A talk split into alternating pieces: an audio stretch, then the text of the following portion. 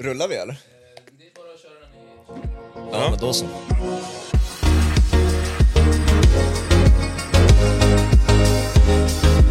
Yes, vi checkar av alla testa stör-människor. Vi har tagit Svanen i början på Allsvenskan och nu i mitten av, eller efter sommaruppehållet blir det med dig då, så får, i slutet av säsongen får det bli Kviborran. Ja, Kviborg är den som är svårast att få till med. Säkert. Det är- Luftigast schema, men eh, minst tid. Okej, ja, men eh, hur, för dig då, nu när du har varit testa stör i, hur länge har du kört testa stör nu?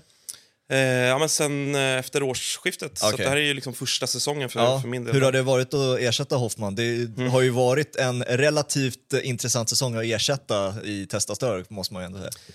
Ja, nej, men det har ju varit, eh, ja, men till att börja med om man ska ta, ta liksom från, från Hoffman, att ersätta just honom, så det är klart, det är ju, det är ju svårt. Liksom. Han, är ju en, eh, han är ju en legend i, i de kretsarna, det får man ju säga, även för mig. Liksom. Jag har ju växt upp med, med honom från, från fan-tv-tiden och, och när han var med och gjorde intervjuer på, för AIK och, och allt vad det har varit. Så att han är ju en eh, ja, men förebild och liksom väldigt mycket så. Men och nu på senare tid även liksom ändå vän. Eh, så det är klart att det var ju speciellt och svårt och man, man förstod att det skulle komma många som tyckte att eh, nu har de gått ner sig från, från Jesper Hoffman. och det, det, så får det väl vara. Det är väl svårt. Det är Nej, som, det sen, som är när en stor, en stor fotbollsspelare lämnar. Så, eh, det går inte att ersätta, ersätta så att säga. Nej, men annars har det väl varit, det har ju varit eh, speciellt såklart med, Ja. med den säsongen. Att, på ett sätt kanske, kanske bra, utifrån att det har ju ändå varit relativt enkelt att tycka väldigt mycket Mm. om AIK. Eh, men såklart tråkigt, framförallt som supporter, men även ur ett, om man ska ta poddperspektiv då, så är det ju det är såklart roligare att prata om saker när det går bra än att bara sitta och, och vara gnällig, som, Mm. som vissa kanske tycker att man är. Men, men å andra sidan, det har varit svårt att hitta positiva saker för, Ja. kring AIK 2023. Men risken är väl också då att, eh, som jag får gissa nu, att det har ju väl hettat till lite fler Twitter-trådar sen eh, både Testa Stör men också Toto-svenskan drog igång av den anledningen. Liksom, att det har gått så dåligt som det har gjort för AIK och därav så Ja, du, du gillar ju att ta de diskussionerna på Twitter. Jag vet, vet inte riktigt hur du pallar egentligen. Alltså, Nej, men- det, det vet jag inte själv heller. Och jag har väl... Alltså, så här, jag har väl de senaste åren kanske ändå lugnat mig lite grann just för att det... Alltså, Twitter är ju, egentligen är ju Twitter en ganska dålig, en ganska dålig plattform att, att diskutera på. Det är ju såna här format det egentligen ska vara. på. Exakt, det är, det är svårt att få, att liksom få fram exakt vad man menar alltid. Och det, det är svårt med nyanser och sånt i skrift och det är svårt att eh, få fram kanske ironi eller liksom den typen av, av detaljer som ändå kan vara, kan vara viktiga i en diskussion. Eh, så så det är ju svårt att jag, eh, nej, men det, det, det är klart att ibland, eller väldigt ofta skulle jag säga, ofta kan man börja kanske skriva någonting för att sen radera. Och ofta kan man liksom eh, ja, skriva någonting och sekunden efter känna bara varför. nu har jag en och en halv timme här av plingande och, och, och alltså såklart ibland vettiga diskussioner och, och så i de allra flesta fall. Men tyvärr ganska ofta blir det också missförstånd eller eh, ja, men en dålig ton och sådär. Och det, herregud, jag, jag är inte fläckfri själv så, att, så att det, det är väl på något sätt mitt fel också kanske. Men eh, Nej, det, det, man har knaprat i sig ett par Alvedon sena kvällar när man, när man har eh, gått in i diskussion. Jag lider med det när det blir så där otroligt jävla mycket Twitterkrig. Men det, i regel är väl generellt också andra supportrar. Det är väl mer att det, det är väl bättre jargong inom AIK ändå. Inom eh, Jo, men det, ja, Även fast ni testar större ibland kan eh, eh, göra några irriterade, såklart när det är en så stor klubb som AIK, då finns det några man gör irriterade också. Så Men det det. brukar ju vara generellt andra supportrar, om jag inte... jo, men eller både och. Liksom. Alltså, det, är väl, eh, det beror väl lite på vad, vad det handlar om såklart. Men, men, eh, ja, men jag, jag, jag tror att kring mig, eller om jag ska liksom gå till mig själv, så är det väl oftast... Jag, jag är nog oftast i diskussion med aik eh, tror jag. Och det är, väl, det är väl för att jag kanske framförallt... Eller ja, jag är aik och att jag framförallt liksom avhandlar AIK. Och då är det väl det folk har åsikter kring. Eh, och sen är det väl, är det väl så att så här, jag är väl lite pessimistiskt lagd som supporter. Eh, och att jag, eh, alltså som i alla egentligen så relationer så tycker väl jag att det också finns en sundhet i att kunna se kritiskt på det man älskar. Ja. Eh, och det tycker jag, jag, jag tycker att det ändå är, i det långa loppet tycker jag väl att det är en del av liksom någon form av hållbar syn på sin klubb. Att man ändå ska kunna diskutera och analysera det som inte funkar heller. Eh, jag tycker väl att vissa lagsupportrar, det finns ju sådana AIK också, men jag tycker ändå att vissa lagsupportrar kanske är lite väl mycket att allt är ja, men den här memen med hunden som sitter i det brinnande rummet. Liksom. Everything's li- fine. Ja, exakt. Ja, men lite så. Och, och jag förstår väl att man utåt sett alltid vill backa sin klubb också, men, men jag tror väl att i det långa loppet så är det nog ganska ändå sunt att kunna, kunna se både positivt och negativt kring, Mm. eh, kring sin klubb. Sen så ska man ju försöka ha balans och, och liksom hålla sig inom med en rimlig ton och allt det där. Och, och, och det är väl svårigheten, tycker jag. Men det är väl också varför podcast har landat så bra för dig. Eh, Vi pratade inte om det, när vi var på, i TV4-huset så pratade vi ju typ ingenting om podcast, men nu sitter vi båda och poddar typ varje vecka hela tiden. Liksom. Det är, jag har ju min anledning till varför jag älskar poddandet, liksom, men det är väl anla- den stora anledningen kanske för att, varför du gör det och uppskattar det så mycket. Ja, men det är verkligen så. Det, det blir ju en helt annan... Liksom, eh, och du kan få en helt annan dynamik och du kan, du kan fördjupa dig kring ämnen på ett helt annat sätt. Och, och ofta, liksom, jag tycker att det mer och mer också går åt ett håll att man vill ha poddar, att det ska vara ganska avslappnat och, och mycket på uppstuds och, och, och, och man kan hitta en jargong och sådär. Så att det, eh, nej, jag, jag är ju också, det är absolut roligaste som jag gör inom, inom mitt yrkesliv. Liksom. Kan du mm, skilja på förberedelserna och kanske på sättet du, vilken inställning du går in på Toto-svenskan kontra Testa Stör? Alltså finns det två olika mode du är inne när du spelar in de två olika? Ja, men det gör det ju ändå. Alltså, man, vi har, det har man väl insett under tidens gång tror jag med, med Toto-svenskan om vi ska börja där. Att det, det är klart att vi har ju en majoritet och våra, våran absolut kärn, våra kärnföljare är ju extremt insatta och inbitna och sådär. Men, men i takt med att vi har vuxit och, och, och nått en bredare kanske målgrupp än vad vi, vad vi gjorde från början så, så har man väl också insett att alla har inte stenkoll på alla klubbar. Eh, så att jag kan ju, i Testa Stör ger det ju mig ett helt annat utrymme att kanske vara ännu, ännu djupare eller ännu nördigare. Där kan jag ju också på ett annat sätt vara ännu mer liksom bara supporter och alltså, prata känslor och, och sånt. Eh, I Totosvenska får man ändå hitta någon form av balans i att... Alltså det är klart att alla allsvenska supportrar tycker väl någonting om AIK. Ja. Men det får inte bli för nördigt. För att, visst, man intresserar sig för AIK om man håller på Malmö till exempel. Men att sitta och börja prata om eh, eh, alltså, chefscout Visur Hansen, då kanske Malmö-gänget börjar zona ut lite grann för att det Ja. blir för detaljerat. Liksom. Så, att, eh, så det är väl det som är den stora skillnaden egentligen skulle jag säga. Har du någon favorit av de två? Att, eh, eller är det 50-50 för dig? Ja, men det, det, är ändå, det är ändå olika på, på ganska många sätt tycker jag. Även om det är såklart, ibland känner man ju sig lite väl upprepande. Det är ganska ofta som vi spelar in eh, båda de poddarna samma dag. Ja, du kommer precis från Eh, Testa Stör-inspelningen Ja, exakt. exakt. Så att, eh, och, då, och då kan det vara svårt. Om AIK har spelat en match så har ju jag mina åsikter om den matchen. Och då blir det ju lite, jag kan inte ändra åsikt när jag går in till, till nästa podd så att säga. Nej. Det blir ju lite pajigt. Men, men det är klart, där är väl svårigheten och det, det är väl det vi diskuterade in, inför när jag blev klar då för att testa stör. Att det är väl det som blir vår svårighet kanske. Att, för att vi har ju många som lyssnar på båda poddarna och då vill man ju ändå att det ska ge någonting mer. Så jag försöker väl kanske att hitta lite andra ingångsvärden och sånt i, i den ena podden så att säga. Eh, men favoriten? Nej, jag, jag vet inte. Jag, jag tycker nog kanske ändå att det är roligare att göra Totosvenskan. För att jag, jag har ändå ett så pass stort och genuint intresse för hela allsvenskan. Jag tycker att det är... Jag tillhör inte den, typ, den kategorin supportrar som är sådär ja, AIK, sen skiter jag i resten. Och det är ganska många som är så. Ja, ja. Och, det, och det, det har jag full respekt för och, och köper. Men jag, jag tycker att det är intressant att höra hur tugget går i, i, i Blåvitt om eh, Asko som tränare. Alltså, jag, jag tycker genuint att det är intressant. Sen så såklart att det finns ju gränser. Det är klart att jag, jag, man kan zona ut ibland när vi snackar Halmstad. Eller liksom så. så är det ju såklart. Men, men, ja, men Totosvenskan, eh, det, och att vi, vi är fler där liksom, Ja. eh, på något sätt gör också att det, eh, det, är, det är väl favoriten då. Jag kan ju tala för mig själv bara, jag som inte har en klubbtillhörighet på det sättet, att jag uppskattar det av den anledningen att man, det blir ett mer förenande på ett sätt. Att, man, att ni skapar en jargong och en eh, vänskap med oavsett vil, vem ni, ni, ni väljer att prata med. Liksom. Om det är en djurgårdare, en Hammarbyare, aik eller en Malmö-spelare, det spelar ingen roll. Liksom. Det är ungefär, ungefär typ av samma jargong och man, man eh, hittar profilerna i de lite mindre klubbarna och allt det där. Att det blir lite mer av en ja, men, familj på ett sätt. Liksom. Att det, det är Toto-svenskan, där är vi liksom alla och eh, pushar för produkten Allsvenskan. Och det tror jag har saknats på många sätt också. Att det är, det är bara mitt lag och sen är det det liksom. Det är, Ja. det är någonting nytt på det sättet och Ja, det, det uppskattas för många tror jag, inklusive mig själv. Ja, nej, men det, är väl det, det är väl det vi lite grann har försökt vara. Jag tror väl ändå att vi på något sätt har bidragit till. Alltså, så här, och då, att det du är inne på, att vi på något sätt har en, ändå en ömsesidig respekt och alla vi, framförallt vi den liksom kärnan som är med ofta, vi är ju liksom väldigt goda vänner idag och liksom pratar ju med varandra varje dag.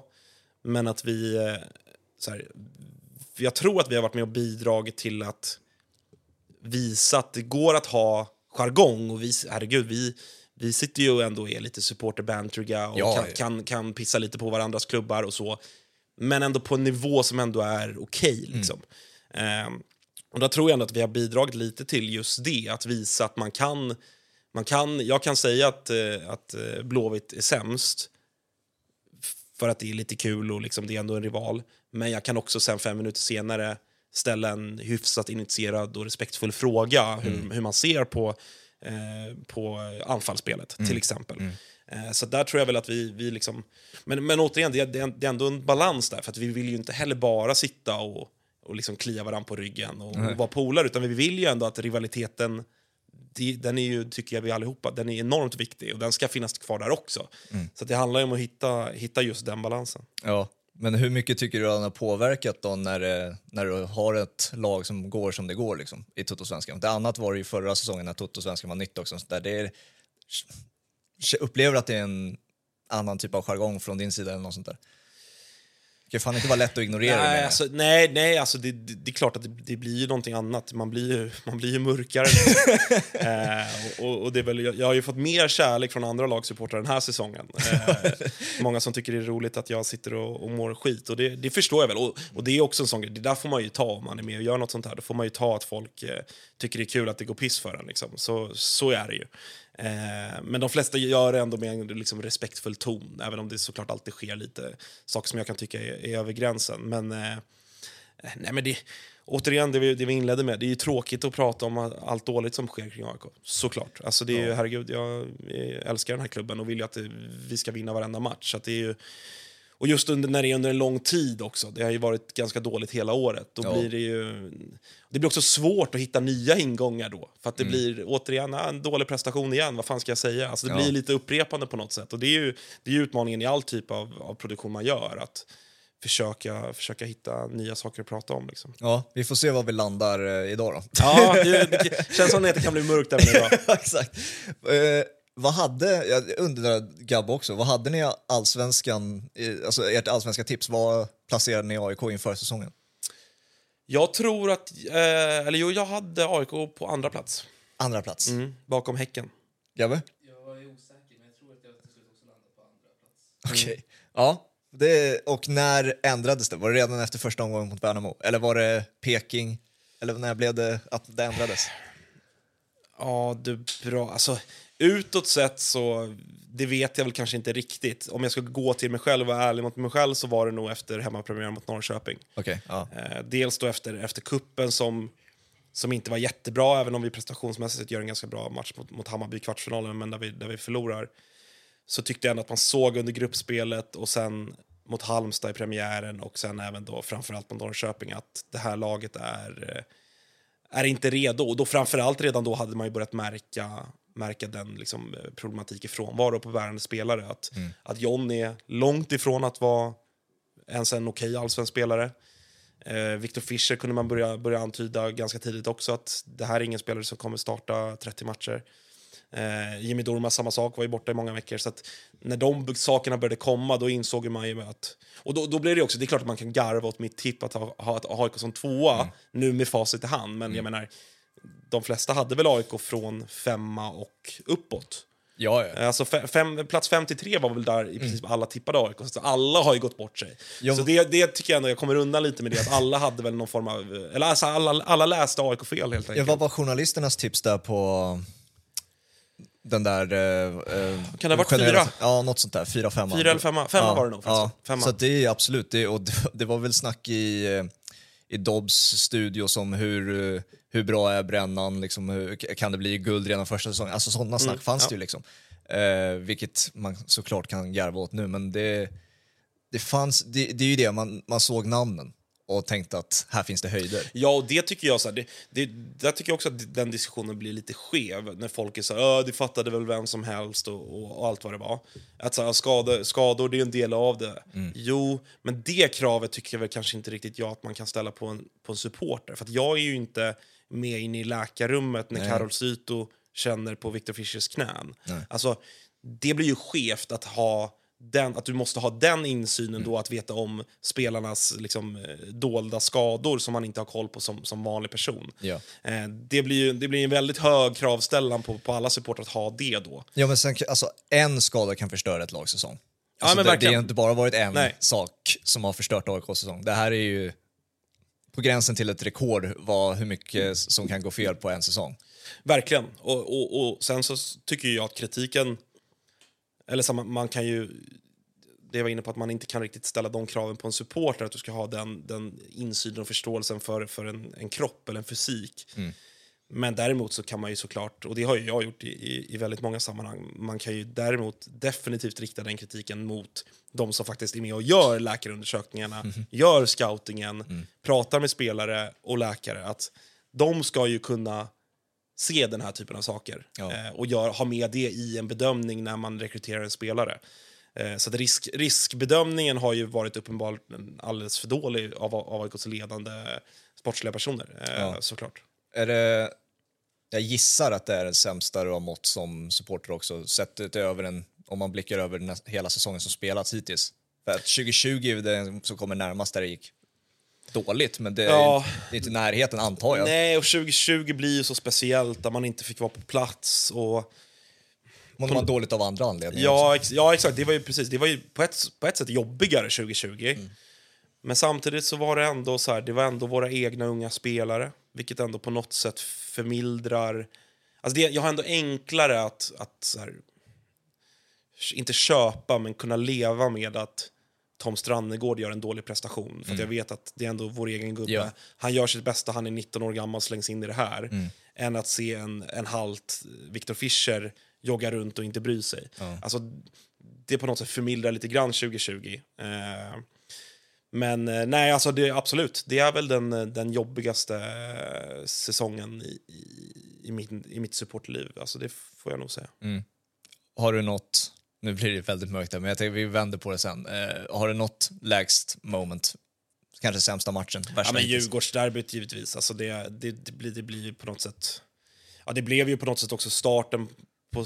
Eller kanske inte starten, men det var väl det som gjorde, fick det hela att rinna över liksom, med, eh, med Manuel som sedermera avgick från, från sin post. Och det var väl på något sätt också det som drog igång den allvarliga diskussionen kring eh, Andreas Brännström också. Och, ja, men, och allt som, som hände på läktarna och på inneplanen och allt sånt där. Så, och, och liksom att, att förlora mot Djurgården för mig som är, som är liksom född 95 och, och på riktigt då har stått på norra sen, sen 2010. Ja, jag hann ju i och för sig uppleva den, den senaste torsken då 2011 på, på hösten när Igban Anike sänkte AIK. Men jag, har ju, jag minns ju knappt hur det är att förlora mot Djurgården som, som liksom vuxen. Eh, jag har inte varit med om det. Så det var ju, den känslan hade jag ju glömt bort och den är ju alltså vidrig. Jag förstår ju inte hur Djurgårdarna har, har orkat med alla dessa år. Nej. Eh, så att Djurgårdsderbyt, ja, klart liksom högst upp. För Absolut. mig, alltså som eh, bara ser som en objektiv på det, alltså det sämsta jag sett på, alltså jag kan inte minnas en sämre insats av AIK spe- specifikt så måste det ha varit Elfsborg.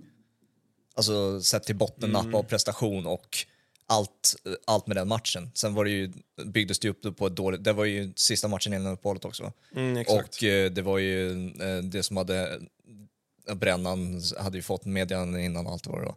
Men alltså prestationsmässigt är ju för mig det botten, vad jag kan minnas om jag ser tillbaka på det. Jag, Ja, jag med tycker där. ändå att det finns ett par, ett par insatser som är, eh, som är sämre. Alltså det, det är svårt, de flyter ju också ihop eh, allihopa, hela våren på något sätt. För jag blir- fattar att derbytorsk är ju en derbytorsk. Det Ja, så, gör så ju jag ont på ett annat ärligt, sätt.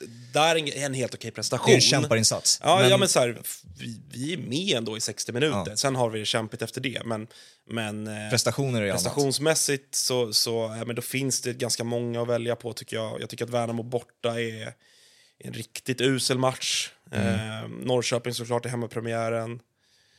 Eh, alltså jag tycker att BP här nu sist, när vi, vi spelar Ja. in det här den eh, vad det, 16 augusti eller vad det är. Mm. Eh, jag tycker att de, den prestationen är up there. Alltså, den är riktigt, riktigt svag. Sen så får vi med oss ett 2-2. Det är väl, det är väl ja, knappt godkänt, men, men, men, man får väl på något sätt ta det utifrån tabelläget. Så att, Ja. eh, det finns en, eh, en väldig massa dåliga prestationer och resultat att välja mellan. Men eh, rent liksom emotionellt så, så ändå sticker ändå Djurgårdsderbyt ut. Mm. Nej, men jag tänker vi kommer till eh, lite här och nu där, lite senare. Men jag tänkte också, med tanke på att du tog upp några stå, jag är intresserad av du som är där och hur det man hör och ser på sociala medier är ju bara negativt och allt vad det är. Men vad man hör om publiken så är det nästan enbart positivt. Att det allt, hela tiden fylls arenan och all, det är väldigt mycket positivt. Hur, hur är det att- att stå på Norra Stå den, den här eh, säsongen, upplever du? Men eh, speciellt på, på många sätt såklart. Alltså, det har väl varit slutsålt i alla hemmamatcher eh, i år. Eh, så att, alltså, såklart enormt rent publikmässigt eh, utifrån siffrorna som, som ja, men inte bara AIK hela, hela serien, men, men, men kanske AIK främst då, som ändå liksom, på något sätt leder publikligan och, och allt vad det är och ligger där vi ligger. Eh, så är väl AIK ja, men och IFK Göteborg sticker väl ut på, på det sättet. Eh, nej, men det är speciellt. Det, alltså, det blir ju på något sätt det blir svårt att, att som, som en klackläktare så ska du ju på något sätt fort, du ska ju liksom du ska vara hjärtat i klubben och du, precis som ett hjärta så ska du fortsätta pumpa ut syre och blod till, till kroppen för att den ska fungera. Men det, det börjar bli jobbigare och jobbigare för det där hjärtat att pumpa såklart när Responsen är så dålig. Ja, när responsen är så dålig. Du, du får något dödsryck då och då. En, en hand som sprattlar till, höll jag på att säga. Men, men li, lite så är det ju. Att, och, och det är ju en jäkla utmaning eh, att, att på något sätt försöka göra ja, men det, det som vi supportrar då faktiskt kan göra. Att göra bra- prestationer på läktarna, men inte få ett skit tillbaka från planen. Det är, det är en svår ekvation, men jag tycker väl ändå att så här, utifrån det så tycker jag ändå att så här, om vi, om vi bortser från de faktiska numren och hur många som kommer dit så tycker jag ändå att så här, norra och AIK, AIK-supportrarna har gjort en, en, en bra säsong. Eh, och det kombinerat med att det liksom, framförallt i år, i viss mån i fjol, men framförallt i år har påbörjats någon form av liksom generationsskifte i publik. Det är eh, en väldigt ung publik, framförallt på, på norra och jag vet att eh, när jag pratar med vänner och, och så, det, det ser ganska lika ut på de flesta ståplatsläktarna runt om i landet. Det är mycket, mycket nytt folk, mycket ungt folk. Vilket ju i grund och botten enbart är positivt, att, att folk vill gå på fotboll och, och, så. Men om man ska se rent för mig då som är liksom supporternördig så med det kommer det ju också utmaningar. Det är en publik som inte riktigt vet hur man eh, ska bete sig på en läktare. Det är en ny generation.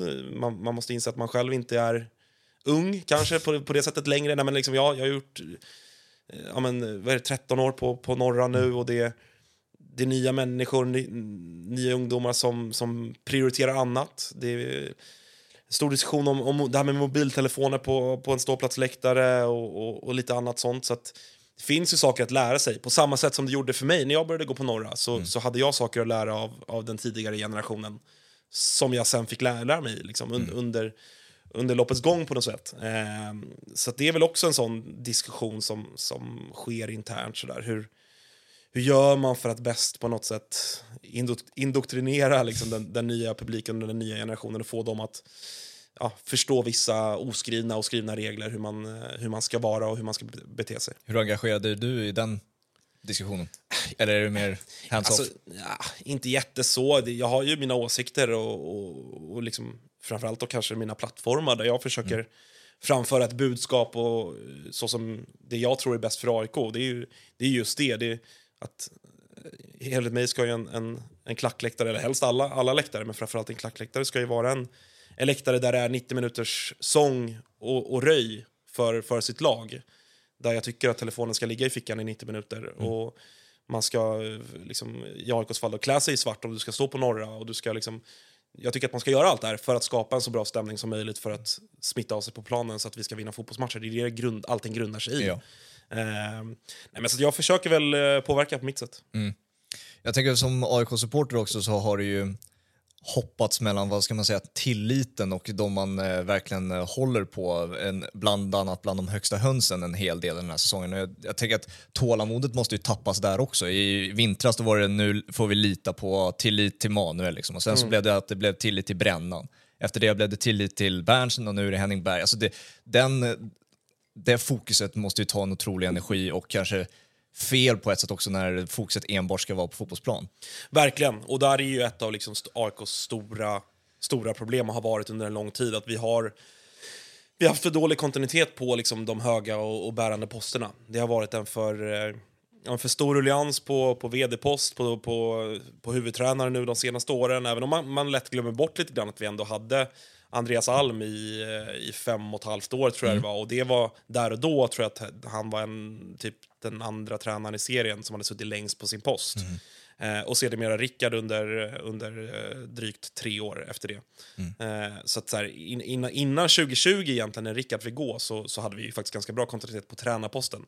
Men, men för att återgå till liksom, de andra platserna så har det ju varit en, en alldeles för stor ruljans. Och jag tror att du är inne på någonting där att man behöver, framförallt som storklubb tror jag, så behöver man ha någon att sluta sig kring. Du Exakt. behöver en tydlig ledare att ställa, som ställer sig längst fram i ledet. Alltså om man tar, för att dra par, parallellen till, till eh, antagonisten i stan då, Djurgården, så, så har de alltid haft, alltså i goda och dåliga tider så har de alltid haft, ja men kanske framförallt då Bosse som har ändå på något sätt varit symbolen för Djurgården och s- en person som, han har ändå alltid kunnat, kunnat sluta leden. Medan i AIK, det som, som du säger, så har man haft, Björn Westerholm var väl det i någon mån, men, men presterade väl enligt mig i alla fall för dåligt mot slutet, vilket Ja. gjorde att man lite grann övergav honom till slut. Eh, men annars har det, har det varit svårt att hitta en person som vi aik kan sluta upp bakom. Ja. Eh, jag hoppas och tror verkligen, genuint tror att, att Fredrik Söderberg kommer kunna bli den personen på vd-posten och även, även liksom Thomas Berntsen som du nämnde.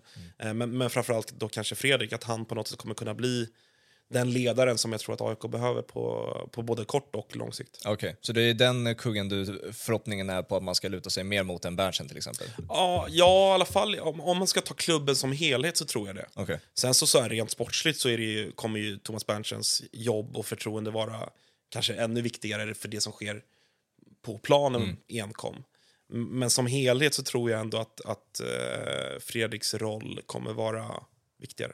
Okej. När rekryteringen kom då med Berntsen, var, den upplevdes där och då i alla fall som den absolut viktigaste. Hur, eh, hur eh, var reaktionerna och vad var förväntningarna innan han kom? Nu, vi kan ju prata senare om vad, vad, vad han faktiskt har bidragit med hittills, men vad, vad var förväntningarna innan? Att han på något sätt skulle ta oss ur, eh, ta oss ur krisen.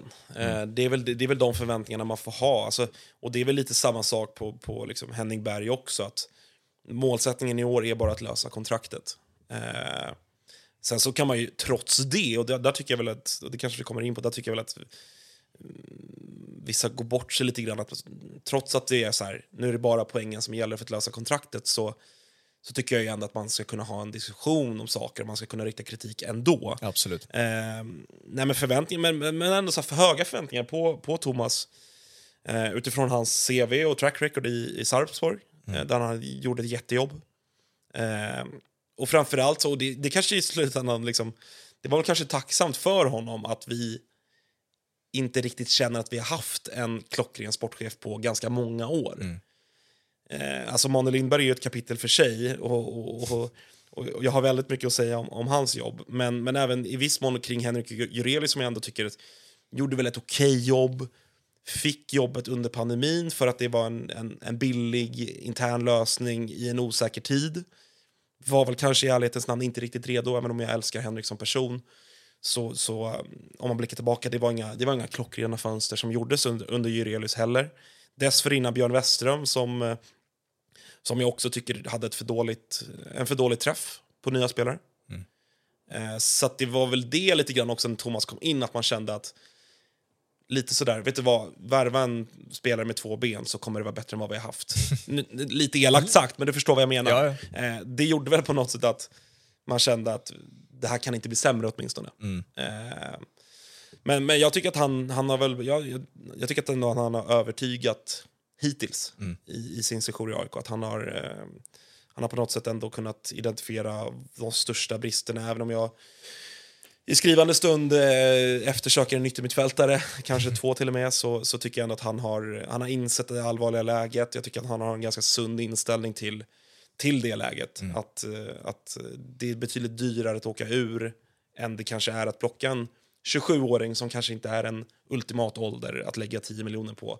Men att här och nu behöver vi det och, och, och det är bättre än att åka ur. Så att, eh, jag, tror, jag tror jättemycket, jätte, jätte, jättemycket på, på Thomas på, på både ja, kort och lång sikt. Innan vi fortsätter på Thomas, du sa att du hade en del på, som vi säger om Manuel, är det någonting du bara kan ta? Alltså Svanen tog, tog en hel del smällar när det var som värst för Manuel. Liksom. Eh, Du har ju pratat väldigt mycket med Manuel du också, men vad, finns det någonting du nu i efterhand kan eh, säga Nej, men tycka? det, så här, det, det går ju att peka på hur mycket som helst. Att, eh, och, och så här, det, det, ska, det ska ändå sägas att det är inte bara Manuel. Alltså så här, Manuel anställde ju inte sig själv. Det är en styrelse som tar de, de typen av beslut.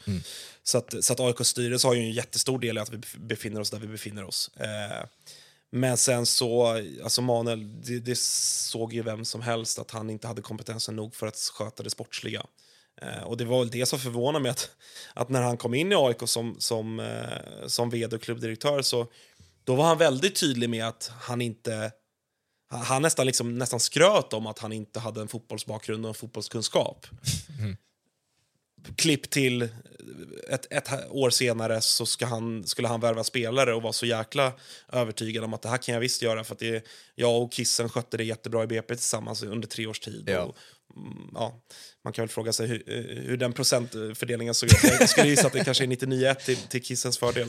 Eh, men, men, eh, nej, men det är såklart, det, det, är ju, det, blev ju, det blev ju liksom parodi och, och jätteolyckligt. Men, men så här, jag känner inte heller att jag, jag ska sitta och kasta för mycket skit på honom nu. Han är, han är borta och det, det tycker jag ändå så här, det hedrar honom att han eh, valde att kliva av själv. Han insåg att det här inte var hållbart. Eh, och stod för sitt ord, som han ju sa i flera intervjuer, att om, om, om folk inte tror på mig och det finns bättre lämpade personer, då sträcker jag upp handen och går härifrån. Och det stod han ju för, och det, det ska han ändå ha en, en, en väldigt stor eh, plus för. Ja. Men eh, det är ju, eh, alltså, för att vara, det är ju den sämsta liksom, sportsliga ledaren som jag någonsin har upplevt i AIK. Ja. Nej, men jag ställde frågan av den anledningen att liksom, man, nu är det liksom, får man stänga den boken, nu är det över, det är ett Mm. avslutat kapitel på ett sätt. Liksom. Men man måste ju ändå få uttrycka frustrationen och sen Så släpp, är det ju. Och det, och det liksom. kommer ju, alltså så här, den på något sätt våta filten kommer ju ligga över AIK i ett par år framöver. Det, Mm. det, det här är ingenting man kommer kunna reparera på, på ett bra sommarfönster eller, eller för den delen ens ett vinterfönster. Utan det är ju spelare vi har under kontrakt nu som, som vi kommer förmodligen ha och Mm. inte lyckas bli av med. Eh, så det kommer ju på något sätt påverka AIK under, under ganska många år. Och det är ju såklart enormt frustrerande utifrån att vi ändå var på en väldigt bra position innan pandemin och, och, liksom så, och, och nu har fått, fått börja om lite grann. Så att det är ju eh, är enormt eh, frustrerande. Ja, tillbaks till Thomas då. Jag ty- någonting jag verkligen eh, uppskattar, jag vet inte om det var första gången han sa det i er intervju med Testa Stör, det var ju där med hur eh, ett annat perspektiv på svensk fotboll och att han ser det där träningsmängden framförallt som någonting som Norge och andra eh, delar av nordiska länderna verkligen tagit flera steg före svensk fotboll. Och det är väl någonting jag verkligen kan hålla med om att det, och det på ett sätt väldigt skönt att vi på ett sätt kan nu syna väldigt mycket av det vi eh, har gjort fel här i Sverige. Och AIK känns ju, jag har bara varit på Karlberg vid få tillfällen, men det är så här, det är inga träningsnarkomaner vad man har sett när man har varit på plats i alla fall. Så jag vet, det är väl en bild ni antagligen också delade där i Testastör när ni verkligen fick höra det också. Ja, men verkligen, verkligen så. Och, och ändå lite så här, ja, men lite ögonöppnare ändå. Där blir man väl lite liksom, navelskådning, att man kanske inte riktigt har insett det förrän någon kom faktiskt utifrån. Och det har ju också varit en, och det är också en sån grej som, som man känner piggar upp med Thomas, att han kommer utifrån med andra perspektiv, med andra erfarenheter och andra ögon. Vi har ju varit på sätt och vis bra, men det har ju också ganska ofta blivit dåligt att vi har internrekryterat så mycket. Eller så här, det har varit ledare som har varit på något sätt stöpta i samma form. Ja. AIK-fostrade och eh, ja, men, från början liksom Baxters grabbar med, med Rickard och, och, och, och ju sen så kom Alm liksom. och sen så kom Bartos. Och så, Ja. alltså, lite samma typer av, av personer eh, som alla har gjort bra grejer för AIK, det vill jag ändå vara tydlig med att säga. Men, men jag tror att kl- hela klubben har nog mått bra av att få, få en person, och fler nu personer då, ja, men som, som kan se på det lite mer nyktert, inte med några liksom, större känslor involverade. Alltså, det är också en sån sak som, när det går bra, då är det väldigt, liksom, då är det väldigt lätt att prata om att ja, men det, det är bra att de personerna kan klubben, för att de, de, de bryr sig och allt det här. Men, men det kan också vara en börda, tror jag. Eh, Thomas kommer ju in som... Det här är, det är jobb, liksom. det är business. Sen Ja. så, så här kommer ju såklart han utveckla känslor för AIK, men det är ändå på ett professionellt sätt. Ja. Och jag tror att det, i alla fall rent timingmässigt tror jag att det är exakt det vi behöver. Någon som bara är 100% professionell, kommer förändra det som behövs förändras och skapa liksom en ny form av kultur. För att det, ja, men det är lite att vi, vi har trampat lite vatten i AIK. Liksom. Eh, så jag tror att just de nya perspektiven kommer vara jäkligt nyttiga för oss. Mm, vad tycker du om sommarbusinessen han har gjort hittills? Vi spelar in det här relativt nära deadline dayn ändå, men det kanske kommer in någon värvning till. Det är väl förhoppningen för AIKs del i alla fall. Eh, men vad tycker du om det hittills? Du nämnde det lite med, det är ju lite äldre spelare, det är det ju. Ja, nej, men det är det ju. Det är ju eh, Tykosen, Ja, här har vi dem. Eh, exakt. Pittas, Saletros, Besirovic. Ja, Brolin tillbaka från lån och samma med Kimpioka. Så att de kan vi väl bortse lite grann Ja. ifrån. Så det är, det är framförallt fyra spelare som ju... Eh, ja, men det är fyra spelare som var tilltänkta och ju ändå har gått direkt in i, startelvan. Så att bara där har man ändå på något sätt lyckats. Om man jämför då med det som skedde i vintras med de spelarna som kom in där så var det ganska många startelver där det inte var en enda av de nya spelarna i elvan. Eh, så det är väl den stora, stora skillnaden också att uppenbarligen har sportchefen och tränaren idag ett betydligt bättre samarbete och en betydligt större samsyn över hur, liksom, vilken typ av spelare och profiler vi behöver. Eh, sen så, så här, allihopa är ju egentligen för tidiga för att på något sätt utvärdera ordentligt. Men, men vi kan ändå konstatera att Eh, ja, men om vi börjar uppifrån så, så Janis Pittas har, ja, det, det är dagen efter cupmatchen mot Dalkurd, gjorde han mål. Han gjorde mål i sin debut mot Kalmar, eh, målat mot BP visserligen. Men, men eh, det är ändå två mål på, ja, vad kan det vara, 170 minuter eller någonting sånt. Eh, så att han, han har ju bevisat sig ändå relativt mycket redan nu. Jag är helt övertygad om att han kommer, han kommer göra en hel del mål här under hösten. Eh, Anton Saletros är Ja, vi kan göra, göra en timme bara om, om, om Anton, höll jag på att säga. Men det är... eh, Jag sa det i, i vårt testa störavsnitt. Senast en spelare hade en sån stor liksom, påverkan på AIK det är enligt mig när Mahmoud Bangura kom in 2010 och räddade oss kvar i, i allsvenskan då. Ja. Eh, det är, eh, alltså jag, jag har ju förstått att Anton har tagit enorma kliv under sina år utomlands och kanske framförallt då i, i Sarpsborg med, med Thomas. Eh, men men jag, var, jag, var ju liksom, jag var inte helt sådär... Jag tyckte inte att Anton var en fantastisk spelare i första vändan han var i AIK. Då var han också väldigt, väldigt ung och det får man ha med sig. Men jag tyckte att han, alltså att han hade en fin vänsterfot och en, och en väldigt liksom god spelförståelse och sånt, det, det såg ju alla. Men jag tyckte väl att han kanske var lite för, lite för mycket entaktsspelare. Det gick lite för mycket samma tempo. Han hade kanske inte riktigt den där explosiviteten och, som jag kanske tyckte att man, man, man ska ha som, i den rollen. Men han har ju kommit tillbaka och visat sig vara alltså en, en, en sån power-mittfältare, en tvåvägsmittfältare som är av absolut högsta snitt i den här serien. Ja. Jag tycker att han redan nu har visat att han är, han är en av allsvenskans bästa spelare. Ja, men när han kom in så tänkte alltså det som jag har i bakhuvudet är ju när han spelar wingback. Han blev petad Ja. från in i mittfältet för att spela wingback. Han var Exakt. inte tillräckligt bra för Norlings in i mittfält liksom. Nej. Och sen så kom han tillbaka och sa okej, men det är en tillräckligt bra fotboll, fotbollsspelare för att starta i AIK liksom. Men det Mm.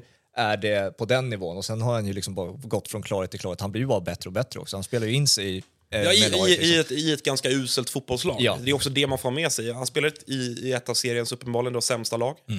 Han spelar dessutom, i mitt tycke, i en väldigt otacksam roll utifrån att han är väl... Jag spelar väl i typ kanske det enda laget som spelar med två innermittfältare. Ja, det gör han. Och möter, och det är också en, en diskussion att ha. Vi men- kommer till det. Ja, nej, men och, och möter i varje match då, eller liksom är, är, är eh, liksom i i mindre antal i varje match han spelar. Mm. Har i ett par matcher dessutom spelat bredvid Jimmy Durmaz som eh, kanske inte är någon eh, orienterare om man säger så. Nej, i- i Anton får springa en del. Anton får springa en del och att då samtidigt liksom ha den fysiska utmaningen men ändå lyckas hålla en sån enormt hög nivå i allt han gör med bollen och vara konstruktiv och, och vara utslagsgivande och, och vara liksom, eh, orka vara fokuserad i avgörande lägen. Jag, jag, är så, jag är så imponerad av Anton så att det, är- det är eh, otroligt. Och, och lägg där till då hans liksom ledaregenskaper. Och man ser ju varje klipp som, som kommer från omklädningsrummen och allt sånt så är det ju det är ju vår moraliska lagkapten liksom, tillsammans med, med Milosevic. Eh, så att han eh, är en, enormt viktig. Jag hoppas ju att det här på riktigt är någon form av arvtagare till Sebastian Larsson. Och Jag är ganska övertygad om att när han väl lägger skorna på hyllan så kommer han eh, liksom hålla som en av de stora under, under modern tid. Så att, eh, jätteglad att han är, han är hemma igen. Eh, sen när man går ner i listan så Tycho sen så Ja, men fick, fick ju en, en, en liksom surrealistisk start med, med två mål på två matcher och, och blev ju på något sätt eh, tvättade bort den, eh, den liksom, det lilla danskhatet som kanske fanns i, i vissa AIK-led efter Victor Fischers eh, sejour i klubben. Ja. Eh, är väl i ärlighetens namn en ganska begränsad fotbollsspelare får jag, får jag väl ändå säga. Jag tycker att han har synats lite grann här på slutet. Mot BP var det ju tufft. Ja, mot BP och även, även mot Kalmar så är han ju direkt inblandad i, i det målet som de gör. Mm. Eh, så här, det är väl en, det är en okej allsvensk back. Ja. Eh, har, har, ju liksom, har ju den profilen i form av liksom lungor och sånt som, som de har tydliga med att de vill ha in. Och verkar ändå vara en jävla liksom ändå kravställare som kör på, på träning och på match. Liksom. Men, men det är väl kanske inte en spelare som jag ser på sikt ska, ska liksom ta hand om Arkos högerkant. Det, det känner jag väl kanske i ärlighetens namn inte. Men en, en, liksom en, en bra truppspelare, kom för inga pengar alls. Ändå, det är svårt att säga att den inte har varit godkänd Ja, men hittills. det- om Mendes hade varit kvar i AIK, han hade ju inte petat Mendes. Om vi Nej, snackar, det hade han inte snackar gjort. nivåer. Liksom. Nej, så att det hade han inte gjort. Nej. Eh, sen är det väl Dino Besirovic då som, som, som jag väl är lite ambivalent kring. Jag tycker att han... Eh, jag tycker att han visade tidigt när han kom in att, att han besitter kvaliteter som vi har saknat. Eh, jag tycker att han ändå... Ja, men samma sak där, han, han har den tydliga profilen att han klarar av att springa mycket, han klarar av att, att tackla, han klarar av att, att spela liksom en, en fotboll som kräver mycket fysiskt. Sen har man ju, får man ju säga att hittills har det väl ändå varit underkänt i form av poängproduktionen. Han står, han står alltjämt på, på noll poäng. Och det är inte godkänt för, för en spelare som spelar så pass högt upp i banan. Problemet är väl att han kanske spelar för högt upp i banan. Han spelar på, på en position där han inte är som bäst. Alltså, eh, jag lyssnade på, på en intervju med, med vår chefsskatt då, eh, Fredrik Wiesur Hansen som, som är den som har eh, varit ansvarig för att plocka in honom och, och följt honom under hela hans karriär. Och, och han pratar väl om att han, han ska väl snarare spela åtta eller möjligtvis lite ute till vänster. Det är ingen forward vi har plockat in. Så på det sättet, och det, och det är väl en kritik kanske då mot, mot Henning Berg, att, att han spelar honom i fel position. Ja. Eh, för jag tycker väl kanske här på slutet att han, han har varit ganska svag i, även i prestationerna och inte alls fått ut eh, det som man ändå känner. Och det som jag ändå fortfarande tror, det vill jag ändå, vill jag ändå säga att jag tror att Dino Besir- Besirovic kommer vara nyttig och att han kommer vara bra. Men kanske dels i ett lite mer fungerande lag och att han spelas på rätt position. Ja. Eh, men som helhet är det liksom ändå...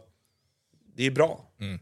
Eh, sen så, som sagt, jag, jag tycker väl att vi har våran tydliga brist i, på ytter, ytterkanterna och jag hoppas att det kommer komma in en yttermittfältare. Jag kanske inte riktigt tror det om man ska liksom tyda de intervjuer som har gjorts, men eh, det är väl där jag hoppas att, att det kommer komma in någonting. ja, men lösningen känns ju som att den redan finns i att Modesto får ta hand om en och så får Besirovic kliva ut på en kant. Liksom. Ja, men det- det, det har väl ju, det har ju pratats om nu i två, tre veckor, liksom, Mm. men eh, det verkar inte som att Henning Berg tittar åt det hållet. Nej, alltså det, det, det är väl ganska uppenbart att han vill spela sin 4-4-2. Mm. I alla fall här och nu. Sen, sen vad, han, vad han tänker för framtiden och, och till nästa år och sådär, det, det får man väl se. Men här och nu så, så, så är det så han spelar och eh, då är det ganska många spelare, tyvärr, tycker jag, som, som tvingas spela på fel positioner. Mm. Eh, och det är väl en kritik man kan ha mot, mot Henning, även om han ju så här, poängmässigt är det ganska svårt att klaga. Det är ändå, han har väl typ dubblat det snittet som Andreas Brännström hade. Även om den, den jämförelsen haltar ju också utifrån att vi har investerat ja, vad är det där? 25 miljoner i truppen. På frisk, friska spelare också. Exakt, på friska spelare som faktiskt kan spela. Ja. Jag tror att Brännan hade gjort det avsevärt mycket bättre med, med de här spelarna i, i, i truppen också. Eh, men så det är väl det som är lite frågetecknet. Och att, att jag tycker väl kanske inte att prestationerna är särskilt mycket bättre egentligen. Eh, däremot är resultaten det. Och det är ju allt. Men, men här, här hamnar man lite fel i diskussionen tycker jag. att Det går ju att prata om att... Eller så här, över tid så gör... Resultaten blir så som prestationerna är över tid. Ja. Och det är väl det som är min oro, att jag tycker att vi kanske har fått några, några för många poäng utifrån hur prestationerna har sett ut. Ja. Och att det är väl det som är min oro här inför, inför avslutningen, att kommer det där ikapp oss, då kommer det bli en jobbig höst hela vägen in. ja, vi kanske ska ta den nu direkt då. Varför 4-4-2? Säg det. Eh, jag skulle väl tro att, att det grundar sig i någon form av liksom, eh, trygghet. Eh, dels, eller framförallt kanske för Henning. Alltså att han, han är, vi ser där nere i högra hörnet, han är, han är 53 år gammal. Han är väl på något sätt ändå uppvuxen där i en fotboll där, där de flesta spelade 4-4-2. Eh, han spelade i United med Sir Alex där det var 4-4-2. Ja. Eh, han är väl liksom någonstans ändå lite den gamla skolans tränare. Eh, så jag tror väl att det handlar om det, att man på något sätt vill gå tillbaka till grunderna, eh, sätta ett försvarsspel. Och det, och det har vi ju sett, alltså där har ju någonstans pendeln svängt tillbaka. Att, att rent försvarsmässigt är det ganska många inom, inom elitfotbollen idag. Det, man tar ofta upp Manchester City till exempel, som exempel Real Madrid i någon mån också, Arsenal också. Att I försvar är det ganska många och det kan vara ganska bra att spela 4-4-2. Eh, gott så. Mitt problem har väl varit att vi, vi i den höga pressen också spelar 4-4-2 och det ställer helt andra krav och öppnar upp helt andra luckor som vi hittills, tycker jag, inte riktigt har klarat av. Ja. Eh, men framförallt i, i det offensiva spelet så tycker jag att vi blir lite för statiska, lite för tunna centralt för att spela med två centrala mittfältare. Eh, så att, nej, jag, jag, det är inte min favorituppställning eh, uppställning, om man säger så. Jag tror inte att det är jag tror inte att det är en uppställning som kommer på något sätt ta AIK tillbaka till, till toppen. Det nej, tror jag inte. Nej, exakt. Och då, då kommer man in på frågan hur, eh, vad han faktiskt vill spela för typ av fotboll. För jag vet att ni ställde den frågan till honom när ni träffade honom. Och han vill ju gärna inte svara på den frågan. Mycket, Nej. för, och mycket har väl också med, som han var inne på där och då, att eh, han vill inte ge några ledtrådar till motståndare och så. Och det gillar jag. Det Ja, uppskattar jag. det- Verkligen, men eh, också så är det problematiskt om det faktiskt ligger lite i att han inte eh, han inte har kommit över den där tröskeln av att det är det klassiska 4-4-2, kämpa hårt och allt det där. Vad finns spelidén Mm. utöver det? Liksom? Eh, nu säger jag inte att det är så, men risken finns ju när man väljer att inte prata om hur man faktiskt vill spela fotboll.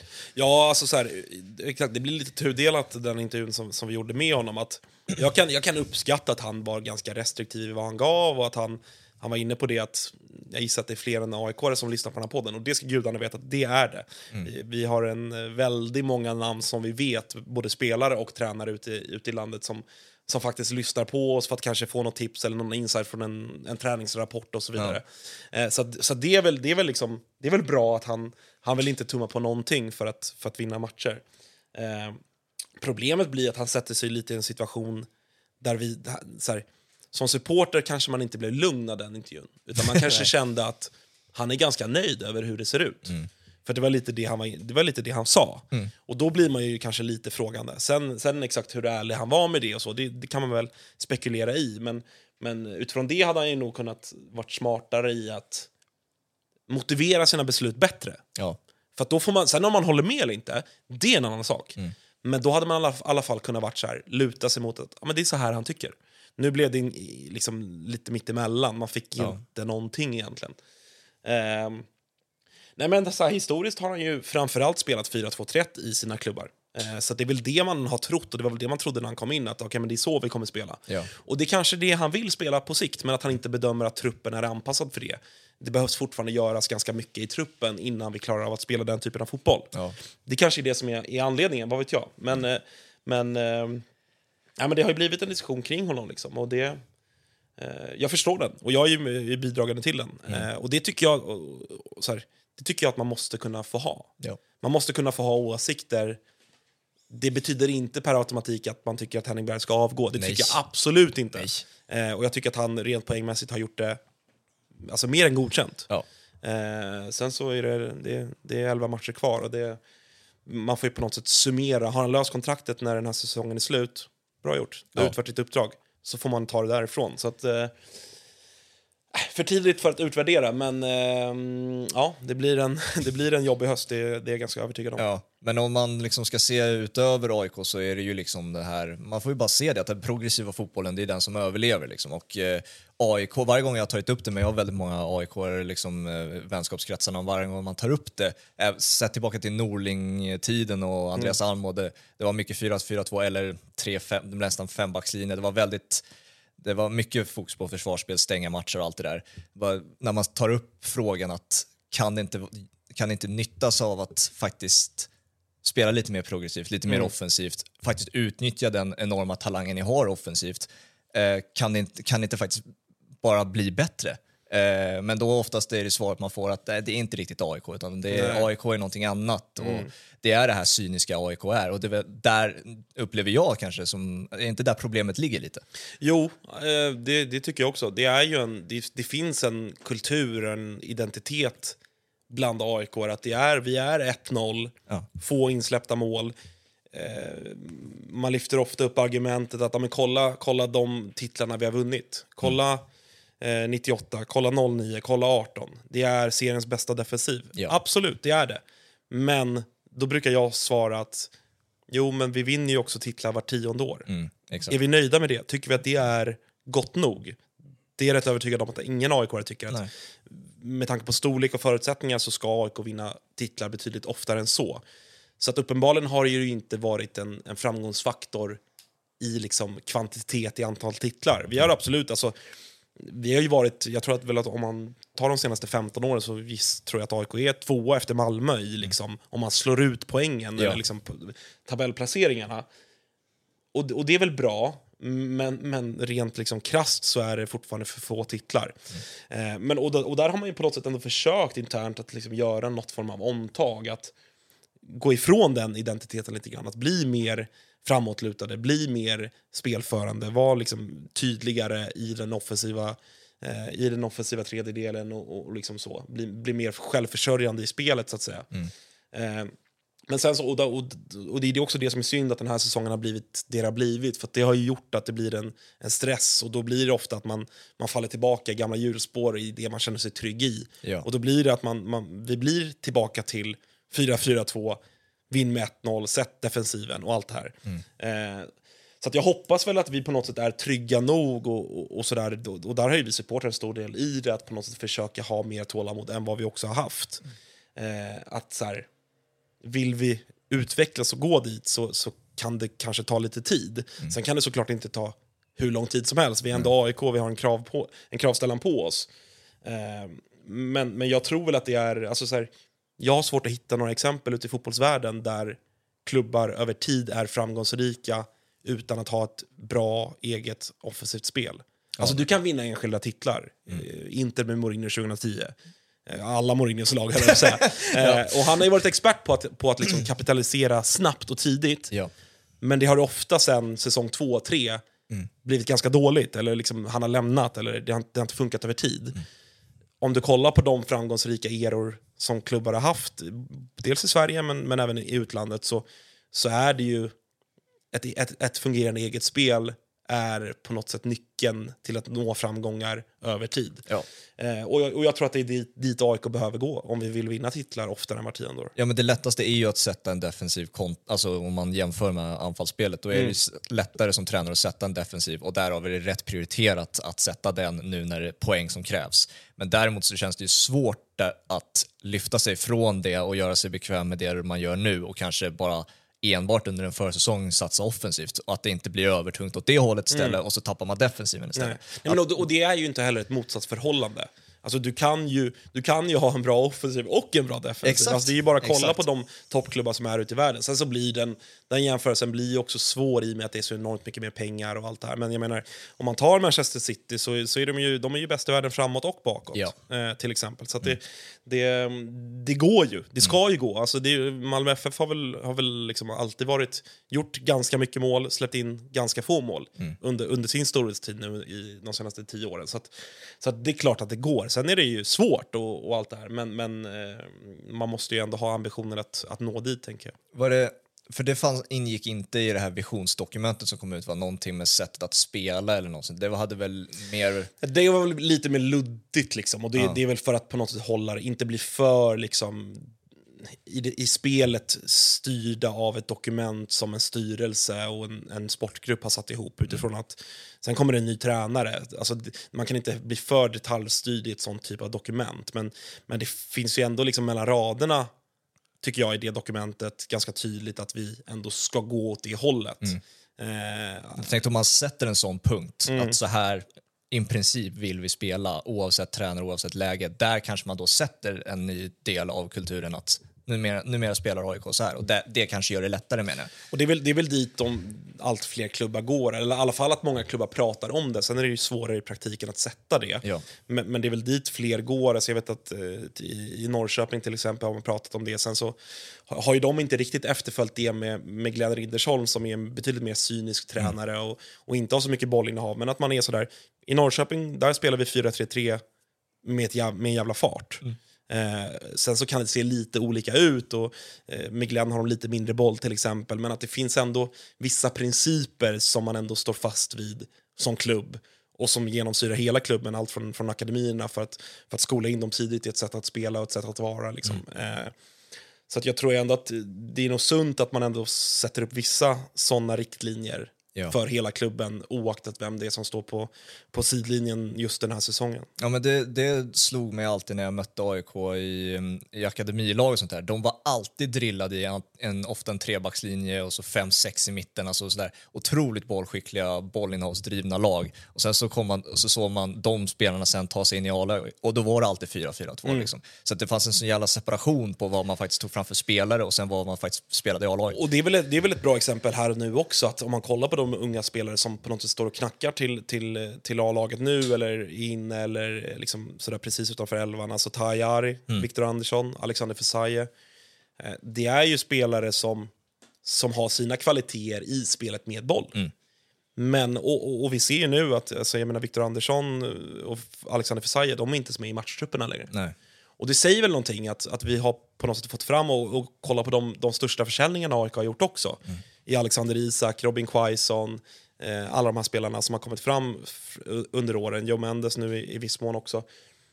Det är ju spelare som, som jag tror att, och det är också en diskussion bland AIK, så här, vi hade nog kanske kunnat kapitalisera ännu mer på att sälja spelare om vi hade spelat en attraktivare fotboll på A-lagsnivå. Ja. För att eh, rent liksom logiskt sett så du säljer anfallare dyrare än försvarare. Så att vi måste bli bättre på att ge utrymme åt den typen av kreativa fotbollsspelare för att det är också så vi kommer tjäna stora pengar. Ja, exakt. Eh, så det, där har man ju också en, en utmaning. Ja, exakt. Eh, jag tänkte om vi skulle avsluta det här också, hur, eh, hur optimistisk är du? För att det, det var ju lite, senaste testet jag lyssnade på, då var det ju li, ja, det, man anade att det fan, en nervositet började gro inom dig. Eh, hur, hur Tänker du på säsongen som är nu? Ja, eller? alltså, avslutningsvis, hur nära det är strecket och allt det där, liksom hur... Alltså, jag, jag tror att vi, vi tyvärr kommer... Eh, vi kommer nog behöva kämpa hela vägen in. Jag tror inte, som jag kanske trodde i början, så, så kände jag väl att fan, det här borde vi lösa. Och det har inte bara med AIK att göra, det har, har att göra med att jag tycker att till exempel IFK Göteborg har börjat hitta någonting under Jens Asko som tränare. Eh, att, att bottenkollegorna har börjat ta lite poäng också. Ja. Ehm, jag, jag tror att, att den individuella grundkvaliteten och framförallt då i, i Anton Saletros och även, även Pittas kommer göra att vi löser det. Men jag tror inte att det kommer se särskilt vackert ut och jag tror inte att det kommer vara med liksom, eh, lite distans och med lite, lite harmoni utan jag tror att det kommer vara det kommer vara kamp hela vägen in men jag tror och hoppas att vi ändå ska ha liksom en högre kvalitet än Degerfors och Göteborg och Sirius. Är väl, Ja, det är ju det där. Är det matchen mot Göteborg den 5 november som avgör? Tänker det, alltså... ja, alltså där, där, för, för, för två veckor sedan, Fabian, då, det är synd att vi inte spelade in det då, för då, då hade jag på något, eller kanske bra då, men, men då, då började man ju tänka lite grann på den, den matchen omgång 29 som att fan vad härligt att kunna åka ner till Göteborg och kanske ha redan klarat kontraktet Ja. och spela ner Blåvitt i Superettan. Nu är man ju till, snarare tillbaka till att förloraren där kommer åka ur. Ja. Och det kommer, braka, det kommer braka loss, det kommer vara ett helvete att vara där nere. eh, så den, den, jag försöker bara skjuta bort den matchen ur, ur, mitt, ur mitt huvud så, så långt det bara går. Ja, Ja, det är näst sista matchen va, säsongen? exakt. Ja. Omgång 29. Okej. Ja, nej, men det, jag, jag, jag är enig med dig mycket med det här med att det kan inte se hur, hur som helst ut bara i AIK längre tycker jag. Utan må- man måste se någon typ av förändring för att det ska också, inte bara den här säsongen utan generellt för att liksom man ska kunna utmana dem i, i toppen. Eh, för jag tycker att de andra ligger några snäpp framåt när det kommer till det. För det betyder inte att AIK inte kan utmana, men jag, som vi är inne på, att det ska vara mer eh, fler år där de är närmare. Liksom. Då måste det bli någon typ av förändring. Ja, Eh, det har väl i och för sig det Brännström också, när vi kommer in på honom igen, det var väl typ det den anställningen kanske Ja, skulle göra lite också. Exakt, det var, det var ju då man på något sätt skulle, skulle börja med det. Så det är det som också är, är jäkligt synd att det blev som det blev med brännan. Att, ja, men vi, vi påbörjade någon form av process och det, det, var, det var dit vi ville men, men alldeles för dåliga resultat under brännan gjorde att vi, vi inte vågade eller kunde eller hade möjlighet att fortsätta den processen utan vi fick vi fick eh, liksom på något sätt gå tillbaka två steg i, i vart vi ville och, och gå tillbaka till grunderna. Så att, Eh, och det är, ju, det är ju jäkligt irriterande och synd och olyckligt på många sätt. Och det finns massa anledningar till att det blev som det blev. Men eh, eh, ja, vi får se. Jag hoppas, hoppas att vi, vi som klubb på något sätt ändå har styrka att, att kunna återuppta den processen. För Ja. jag, ja, som sagt, som jag sagt, var tydlig med, jag är övertygad om att det, det är dit vi måste gå om vi vill, eh, vill bli framgångsrika. Hur klarar sig brännan så här, till lång, sett till lång sikt efter en sån här typ av enormt crash and burn? Liksom. Eh, Inte, inte hans fel såklart, men det är, alltså, det är fortfarande... Han har en del i det såklart. Ja, Alltså, och, men det är, vad, hur påverkar det här hans tränarkarriär liksom, på, när, man ser, när man ska summera den en dag? Liksom, Mm. tror vi? Alltså det, det är ju för tidigt. Alltså han är ändå, vad, vad är han? Strax under han är 40, 45 eller någonting, Ja, någonting i den stilen. Nej, alltså det, det är väl för tidigt att säga så. Jag, är- jag är helt övertygad om att, om att Andreas kommer ha en fin tränarkarriär trots det här. Mm. Sen så såklart, på någon form av liksom, de kommande åren kanske det ändå påverkar hans Alltså det påver- har ju såklart påverkat hans, hans legacy i AIK, alltså givetvis. Mm. Eh, men jag tror väl kanske att det lite grann... Alltså att storklubbar kanske lite grann tänker ett varv till. Ja. Eh, att, att han lite grann får stämpeln av att vara en småklubbstränare. Ja. Att det är där, det är Jönköping och, Mjällby och, och- Mjällby han har lyckats. Eh, Dalkurd också. Eh, men att så här, det blir den här lite kanske slentrianmässiga, liksom att så här, han har inte vad som krävs för en storklubb, Mm. han pallar inte trycket. Det blir lätt att man slänger sig med den, den grejen. Det, det, kanske, det kanske finns någonting i det. Eller Mm. så var det bara att tillfälligheter och en jävligt dåligt krattad trupp för honom Ja. som gjorde att han hamnade där. Eh, men jävligt tråkigt för jag är, jag är verkligen fortsatt helt övertygad om att han att det hade kunnat blivit hur bra som helst. Eh, men att här och nu så stod inte stjärnorna rätt. Förutsättningarna var inte rätt. Och han själv gjorde såklart också ett för dåligt jobb. Ja. Eh, och det är tråkigt för jag, jag gillar honom som, eh, både han och, och Mesut som man ser längst ner i bild. Eh, jag gillar dem två, båda två som personer väldigt mycket och, och så här, önskar, dem, önskar dem all lycka i, i vad de nu gör framöver. Ja, Mesut sitter ju och cashar in nere, nere i, i Saudi nu så att, eh, och Brännan har väl semester. Så att, Ja. Men nej, tråkigt att det inte blev det man hoppades på. Hur mycket sanning låg det i det där som, det var väl Gusten som tog upp i Tutto, att han kunde, att han valfritt gick fram och sa att jag kan gå gratis för att det är så jävla, så jävla cirkus här just nu innan säsongen drog igång. Hur mycket sanning lå- låg det kring det där? Jag, som, jag vet faktiskt inte helt. Eh, som det, det jag ändå också hörde var väl, och det var väl kanske det jag tror att Gusten menade. Jag tror att Brännan själv kände där i januari att vad fan är det här? Det här var inte det jag blev lovad. Nej. Alltså jag tror att han kände sig lite lurad. Eh, så att jag kan absolut tänka mig att han kanske kände och eventuellt då yttrade att ska det vara så här, vet ni vad, då kan vi lika gärna skita i det. Ja. För det här var inte det vi kom överens om. Sen om han sa exakt de orden, eh, på riktigt erbjöd sig att riva, det vet jag inte, så det ska jag inte uttala mig om. Eh, Men, men det är klart att han, han känner sig besviken över hur, hur det blev. Alltså det, det var ju tydligt att han, han, han fick inte det han bad om. Nej. Och då förstår jag att han, han är besviken över det. Sen så, så här, går det ju absolut att argumentera för att nej, nu blev det så, du fick inte det du ville ha. Anpassa dig efter det och, och gör det bästa av situationen. Vi skulle inte ligga näst sist ändå. Nej, Eh, så att, eh, det finns ju många, många delar i det. Ja. Hur, eh, finns det någonting senaste nytt som har kommit ut nu kring Guidettis skada eller? Nej, det har inte, om det inte har kommit inte nu när vi har suttit här, men det, har, det är väl inget som har eh, kommunicerats i alla fall. Men det var ju Alltså såklart eh, jäkligt liksom, tråkiga bilder, framförallt för, för John personligen. Eh, det är såklart aldrig roligt när, när fotbollsspelare går sönder och, och när det är någon i ens egen klubb. Eh, så det, det är väl det, det, är väl det liksom första man kände. Att jävligt, jävligt tråkigt och på något sätt ändå symboliskt för, för hans säsong. Liksom. Eh, sen så rent sportsligt så, så kommer det enligt mig påverka exakt noll för att John Guidetti har inte bidragit någonting i AIK 2023 på ett positivt sätt, eh, tyvärr. Det, det måste man kunna säga utan att för den sakens skull liksom pissa på John eller liksom så. Utan, men, men rent sportsligt så har han varit eh, en katastrof i år. Eh, så att rent sportsligt egentligen påverkar det inte jättemycket. Nej, men det, alltså, det gör ju ont att höra det. På, alltså, jag kommer från Brommaområdet liksom, så har jag alltid sett upp till, och all, vi har alla här. hört stories om John liksom, sen när man växte upp. Liksom, att det här är killen vi alla ska se upp till, liksom, han, det är han vi ska älska. Liksom, Ja. och, det gör så jävla ont i mig att det har blivit som det har blivit. Liksom. Verkligen, i mig med. Alltså fan, jag, jag var liksom... Eller så här, näst, i princip alla aik herregud, vi stod och sjöng, sjöng hans, eh, hans låt på, på Friends innan han ens var klar och det var... Eh, ja, men antagonister har kunnat gjort sig roliga över hur, hur AIK har gick in i någon form av masspsykos kring, kring John Guidetti och, och det förstår jag ju att man gjorde, Ja. särskilt nu med facit i hand. men, men där och då så var det, jag, jag var helt övertygad om att det skulle bli hur bra som helst. Precis som du, han är liksom en generation ovanför oss. Från samma del av Stockholm som oss. Jag har alltid älskat John Guidetti. Ja. Alltså alltid, jag har alltid följt hans karriär och jag har alltid backat honom och, och liksom alltid tyckt att det är en klassspelare när han, när han får spela i rätt miljö. Och, och tycker att han var jättebra i höstas. Ja. När han väl spelade så var han klass. Alltså han var AIKs bästa spelare under hösten. Så vad som har hänt och, och varför det blivit som det har blivit, det, det, jag, jag vet inte hur fan det blev så här. Men, men jag har ju ändå, och jag har varit väldigt kritisk till honom. Och det handlar ju också, det har ju också att göra med förväntningarna och även såklart de ekonomiska incitamenten. Att vi har lagt väldigt mycket pengar och förtroende i John. Ehm, och sen så tycker jag att så här, det går, alltså så jag tycker att det är rimligt att rikta kritik mot honom hur han har skött sin fysik. Att han går sönder och sånt, det kan hända. Och det, det, är liksom, det kan vara otur, det kan vara att man, man har slarvat också. Men jag menar, alla såg bilderna på honom när han kom tillbaka från vintern. Det var inte bra nog.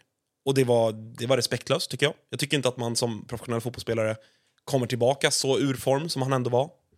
Eh, så det är, det är en, en superrimlig kritik att rikta mot honom. Eh, men, men så, här, så som du sa, det, det är framförallt det jag känner. Alltså jag känner verkligen en, en sorg över att det har blivit som det blivit. För jag, jag, jag, jag älskar John som person. Och jag vill ingenting annat än att han ska lyckas AIK och tysta alla kritiker, inklusive mig själv då, eh, numera. Eh, det, är liksom, det, det, det, det vill jag verkligen, men jag... Eh, och, och med den skadan som var igår så har jag väldigt svårt att se att det ska hända, tyvärr. Ja, i alla fall den här säsongen. Hur, många år är det kvar på kontraktet? Alltså han skrev tre och ett halvt år, så han har ju till 2025 då. Okej, ja. Det är två och ett halvt år kvar. Ja, för att om det är säsongen över eller han kanske bara får en match, två matcher till i sig så då har han en säsong till på sig att försöka vända på det här liksom. Så, Ja, och, och det, är, ju- det är väl det som är... Problemet är ju också att så här, när man har investerat så mycket pengar och på något sätt så här, han har ju också... Alltså John är ju som han är som person, så att han, han tar ju också upp en väldigt stor plats i gruppen. Och då, då, det förutsätter ju att alltså, så här, ledarna i varje lag, de måste ju spela. Annars det blir ju skevt på något sätt i hierarkin. Ja, det är ju om man får en sån där landslagsroll då. Alltså det här Jo, men jag tror, blev... inte, jag tror inte att det riktigt går i AIK. Alltså, så här, det blir för mycket... Det är för många AIK som tvivlar på honom. Så att jag tror inte att det är hållbart att ha honom...